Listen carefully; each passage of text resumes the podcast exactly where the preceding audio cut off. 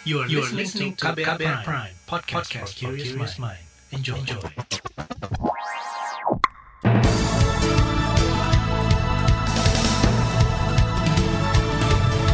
Selamat pagi saudara, jumpa lagi di program Buletin Pagi edisi Rabu 8 Desember 2021, saya Roni Sitanggang. Sejumlah informasi pilihan telah kami siapkan, di antaranya pemerintah dinilai inkonsisten karena batalkan PPKM level 3 serentak saat Nataru. Praktik suap di instansi layanan publik di Indonesia urutan ketiga se-Asia. Presiden Jokowi hari ini tinjau korban banjir di Sintang, Kalimantan Barat. Inilah Buletin Pagi selengkapnya. Terbaru di Buletin Pagi. Saudara pemerintah membatalkan kebijakan pemberlakuan pembatasan kegiatan masyarakat PPKM level 3 di seluruh Indonesia saat libur Nataru atau 24 Desember hingga 2 Januari tahun depan. Pembatalan itu disampaikan Menko Kemaritiman dan Investasi sekaligus Koordinator PPKM Jawa Bali Luhut Binsar Panjaitan. Dia beralasan masyarakat sudah memiliki antibodi yang tinggi berdasarkan hasil zero survei pemerintah. Pembatalan juga didasarkan pada capaian vaksinasi dosis pertama di Jawa Bali yang mencapai 76 persen. Sedangkan dosis kedua mendekati 56 persen. Luhut menilai kebijakan kali ini lebih seimbang karena tidak menyamaratakan pemberlakuan PPKM level 3 ke semua wilayah. Sementara itu Menko Perekonomian sekaligus Koordinator PPKM luar Jawa Bali Erlangga Hartarto menjelaskan, saat libur Nataru pembatasan yang dilakukan menyasar kepada kegiatan masyarakat. Sedangkan level PPKM yang diterapkan tetap mengacu pada level PPKM yang rutin ditetapkan tiap sepekan bahwa kita menerapkan sesuai dengan standar WHO dan khusus untuk Natal tahun baru Nataru tanggal 24 sampai tanggal 2 yang dibatasi adalah kegiatan masyarakatnya. Tetapi levelnya ikut kepada level yang diterapkan setiap minggu. Sehingga kita tidak merubah pakem daripada standar kesehatan. Khusus untuk Natal Tahun Baru, arahan Bapak Presiden, kegiatan-kegiatan dibatasi sampai jam 9, kapasitas sampai 75 persen, dan kemudian untuk protokol kesehatan dengan peduli lindungi. Itu tadi Menko Perekonomian sekaligus Koordinator PPKM Luar Jawa Bali Erlangga Hartarto. Sementara itu juru bicara vaksinasi COVID-19 Kementerian Kesehatan Siti Nadia Tarmizi menegaskan meski ada pembatalan PPKM level 3 serentak saat Nataru, tapi sejumlah aturan pembatasan kegiatan tetap diberlakukan. Hal itu untuk mencegah penambahan jumlah kasus positif COVID-19.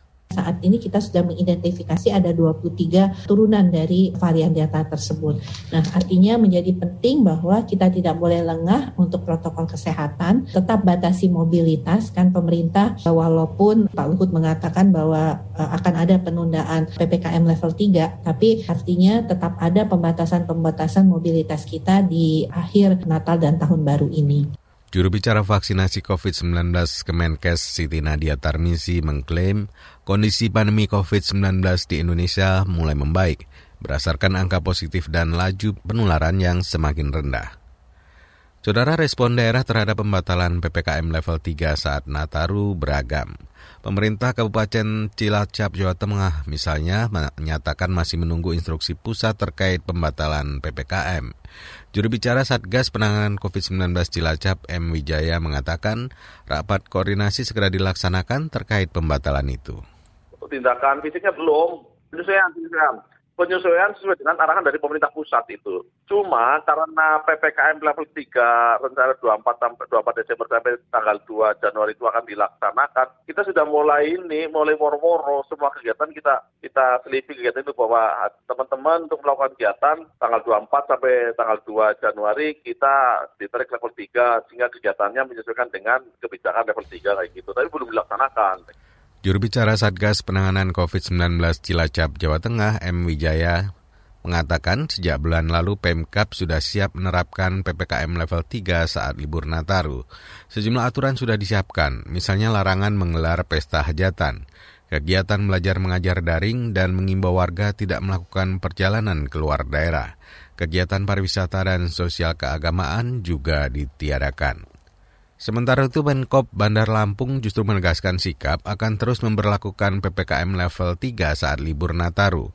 Pemkot bahkan menyiapkan Rumah Sakit Perguruan Tinggi Negeri Universitas Lampung sebagai lokasi isolasi mandiri bagi mereka yang terinfeksi COVID-19 saat diperiksa di posko penyekatan perbatasan. Wali Kota Bandar Lampung Eva Diana mengatakan selama penyekatan Natal dan Tahun Baru di pintu-pintu masuk ke Bandar Lampung berlaku. Masyarakat dari luar daerah wajib menunjukkan surat vaksinasi dan bebas COVID-19. Kalau ketahuan ada yang belum divaksin, posko-posko sudah menyiapkan vaksinasi dan tes antigen. Sementara itu Pemprov Kepulauan Rio justru mengapresiasi pembatalan PPKM level 3 saat libur Nataru. Kata Kepala Dinas Kesehatan setempat Muhammad Bisri, penerapan PPKM level 3 saat Nataru tidak bisa diterapkan di semua wilayah. Misalnya di Kepulauan Rio yang saat ini 5 dari 7 kabupaten kota tercatat 0 kasus. Bahkan wilayah Lingga dan Natuna juga sudah berstatus zona hijau.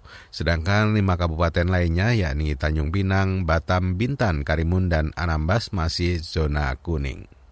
Tapi Ikatan Ahli Kesehatan Masyarakat IAKMI menilai pembatalan penerapan PPKM level 3 serentak saat libur Nataru merupakan kebijakan inkonsisten. Ketua Umum IAKMI Ade Surya Darmawan mengatakan perubahan itu makin menunjukkan pemerintah tidak konsisten mencegah lonjakan kasus COVID-19 pertanyaan berikutnya kan ada kebijakan yang menunjukkan apa lagi setelah ini gitu ya karena kok jadi jadi seperti langkah kuda ya loncat sana loncat sini gitu. artinya eh, konsistensinya ada kurang serius kalau kemarin kan sudah ada persiapan gitu bulan lalu bahwa kita nanti akan PLN level 3 tapi prakteknya ternyata belum berjalan gitu belum jalan sudah diganti dengan kebijakan baru. Ketua Umum yakni Ede Surya Darmawan membantah klaim Menko Marinvest sekaligus Koordinator PPKM Jawa Bali Luhut Binsar Panjaitan tentang tingginya antibodi masyarakat. Kata Ede jika melihat cakupan vaksinasi di Indonesia, maka masyarakat belum bisa diklaim sudah memiliki antibodi atau ketubalan tubuh yang tinggi. Sementara itu, Direktur Lembaga Biologi Molekuler Eijkman Amin Subandrio mengatakan, klaim pemerintah yang menyebut masyarakat Indonesia sudah memiliki antibodi tinggi melawan virus corona harus dilandasi kajian ilmiah. Apalagi klaim itu dijadikan dasar menerapkan sejumlah pelanggaran sekaligus membatalkan PPKM level 3 serentak saat libur Nataru. Saudara praktik suap di instansi layanan publik Indonesia urutan ketiga se-Asia. Informasi selengkapnya hadir sesaat lagi, tetaplah di Buletin Pagi KBR. You're listening to KBR Pride, podcast for curious mind. Enjoy!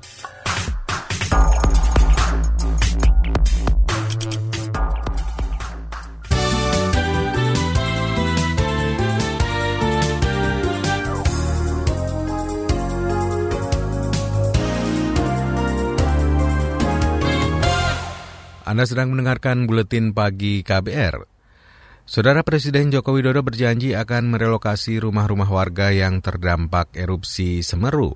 Rencana itu disampaikan Kepala Negara saat meninjau korban bencana erupsi Gunung Semeru di Lumajang, Jawa Timur kemarin.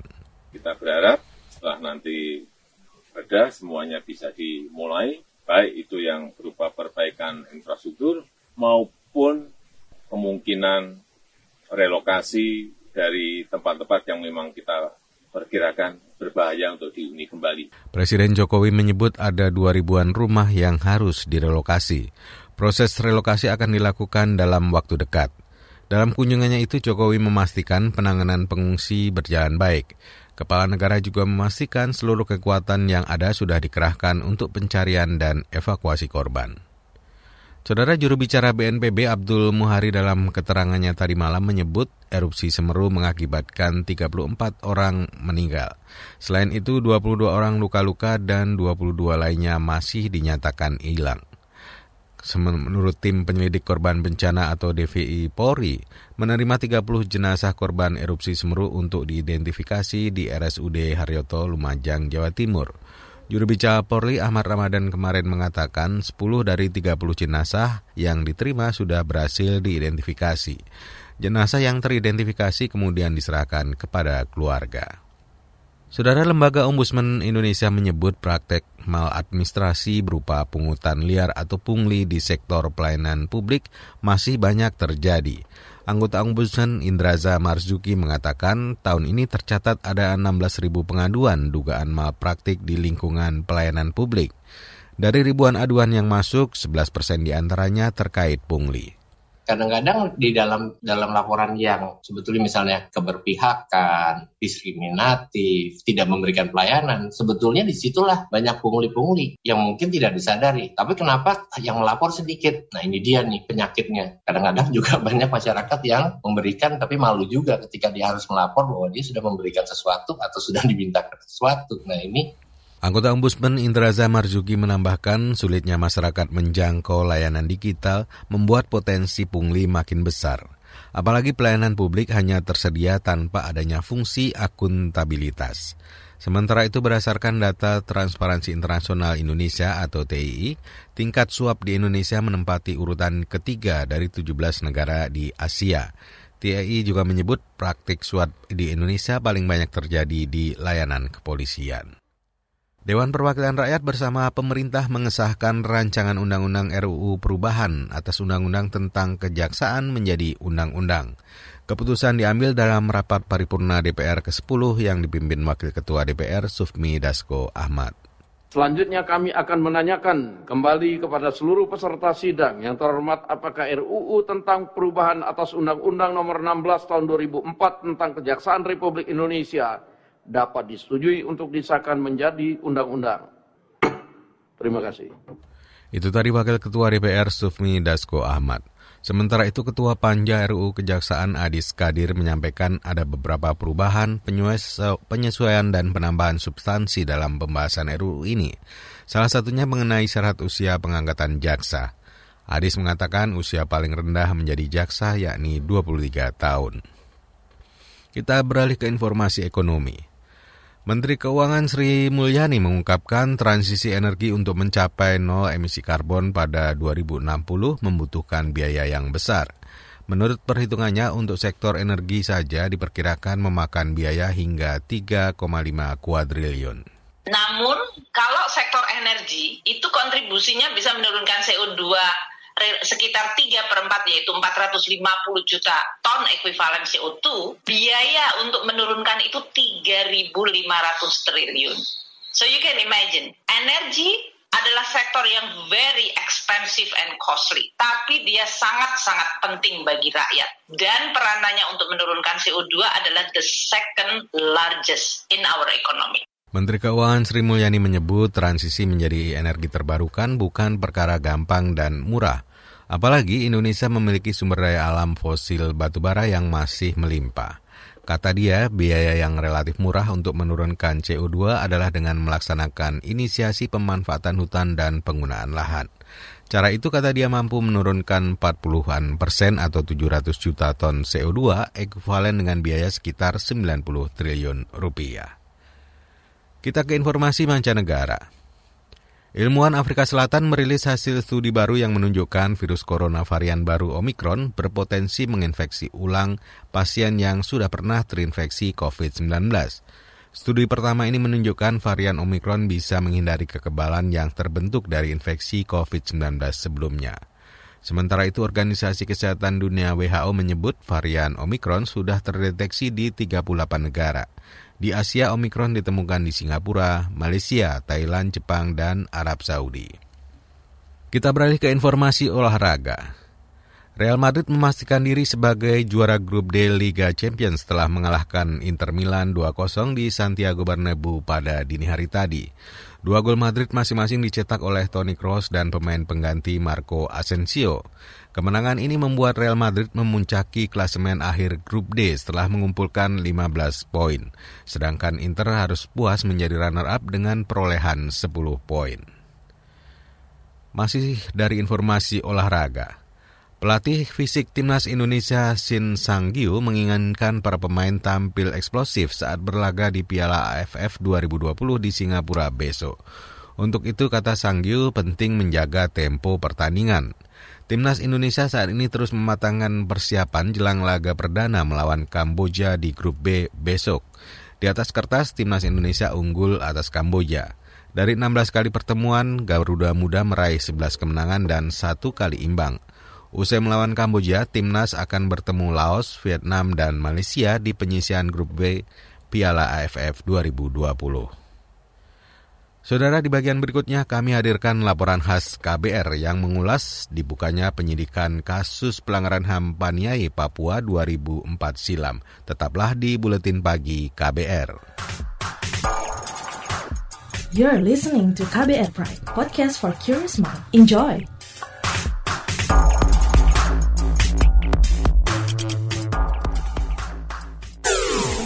Commercial break.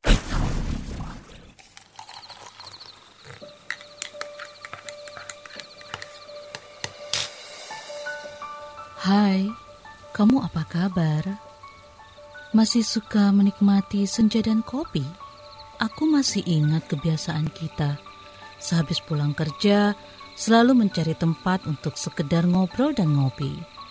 Tapi kadang kita kehabisan bahan obrolan. Aku masih melakukan hal yang sama sampai sekarang tanpa harus takut habis bahan buat ngobrol karena aku selalu mendengarkan KBR sore dari Senin sampai Jumat jam 4 sore. Ah, aku rindu. KBR Inspiratif Terpercaya.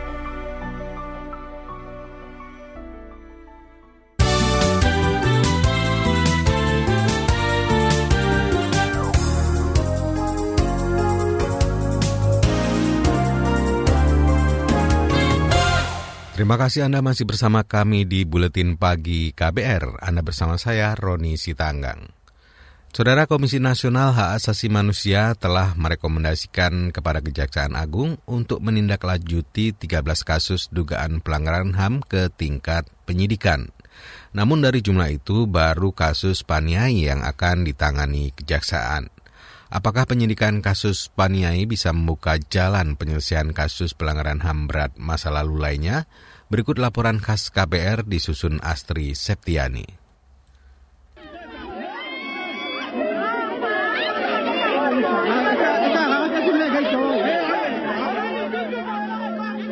Tiga orang anak dan satu remaja tewas diterjang timah panas aparat saat warga berunjuk rasa di dekat markas militer dan polisi di lapangan Karel Gobay Enarotali, Kabupaten Paniai, Provinsi Papua, 8 Desember 2014. Mereka adalah Apius Gobay, 16 tahun, Alpius Yow, 18 tahun, Simon Degei, 17 tahun, dan Julianus Yeimo, 17 tahun. Tragedi ini kemudian dikenal dengan nama Paniai Berdarah.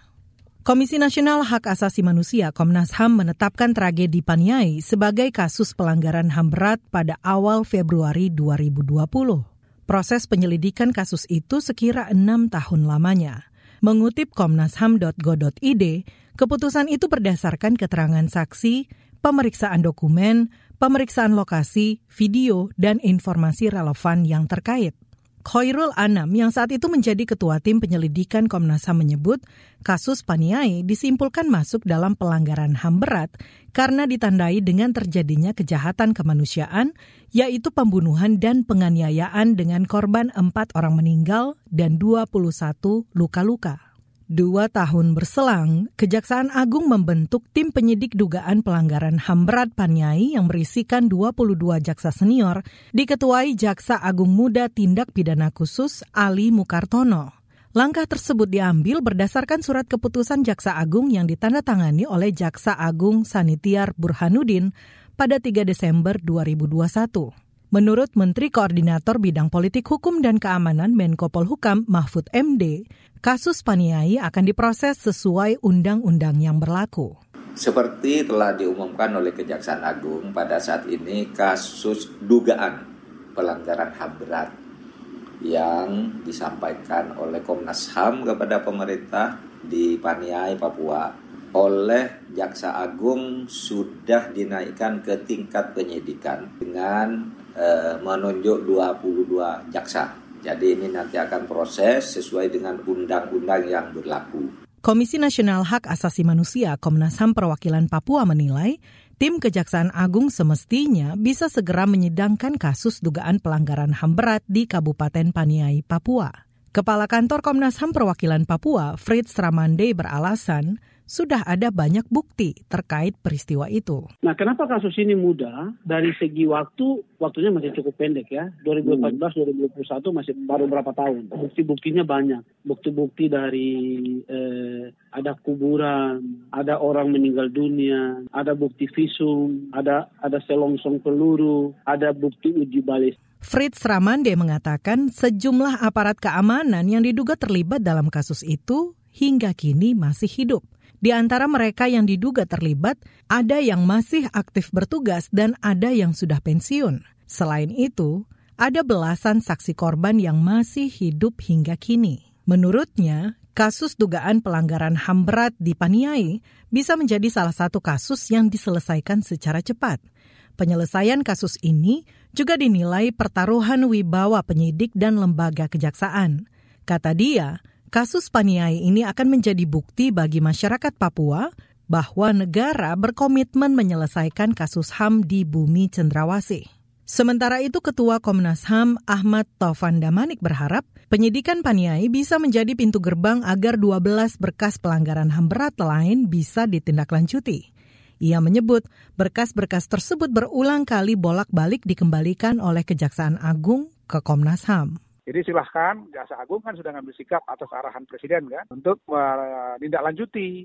Jadi nggak seperti yang dulu lagi bolak-balik bolak-balik begitu uh, antara Komnas HAM dan Jaksa Agung. Tapi sekarang ini sudah ada uh, solusi untuk Jaksa Agung memulai dengan membentuk tim penyidik. Hmm. Nah itu mungkin saja itu dimulai dulu sebagai jalan pembuka ya untuk proses hukum berkas perkara yang lainnya. Jadi kalau ada 13 sekarang, satu dulu dimulai, maka setelah itu mungkin akan ada langkah-langkah selanjutnya yang sama untuk berkas perkara yang lainnya. Komnas HAM juga mengusulkan Kejagung melibatkan sejumlah elemen untuk penuntasan pelanggaran HAM berat masa lalu, antara lain ahli hukum, dosen, hingga tokoh HAM. Demikian laporan khas KBR yang disusun Astri Septiani. Saya Aika Renata. Informasi dari berbagai daerah akan hadir usai jeda. Tetaplah bersama kami di Buletin Pagi KBR. You're listening to KBR Pride, podcast for curious mind. Enjoy!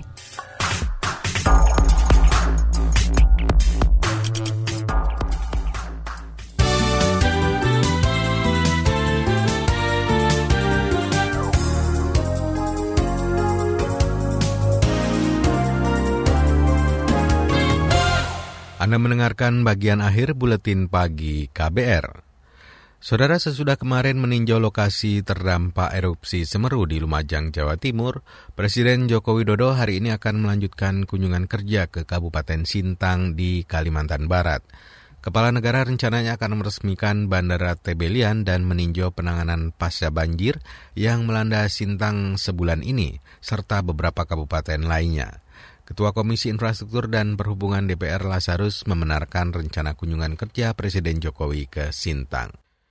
Saudara Desa Wisata Nglangeran di Gunung Kidul, Yogyakarta menerima anugerah penghargaan khusus Desa Wisata Mandiri Inspiratif 2021 dari Kementerian Pariwisata dan Ekonomi Kreatif Kemenparekraf.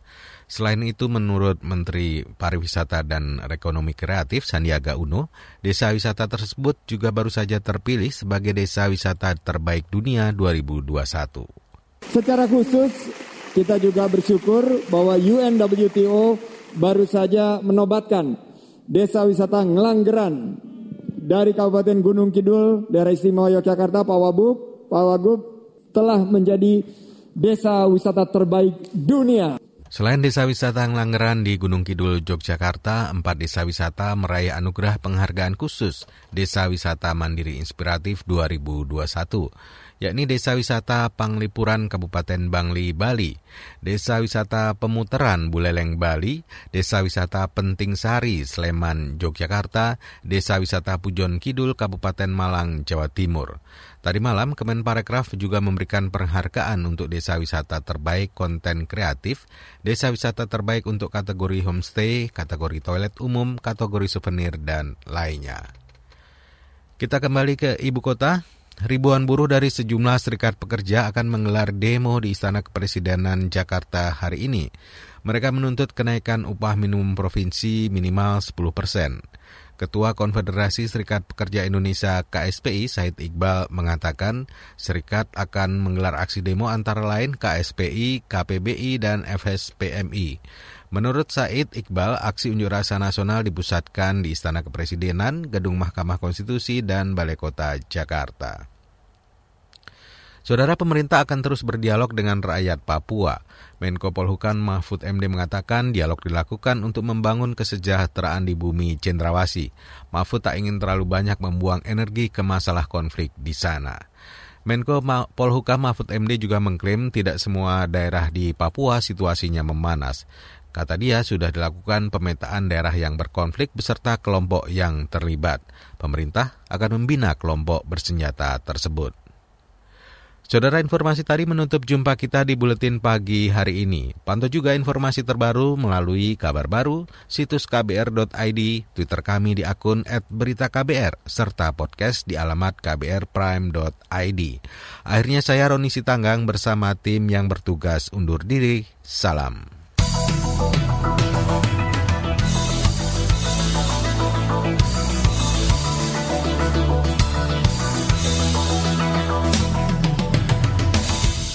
KBR Prime, cara asik mendengar berita. KBR Prime, podcast for curious mind.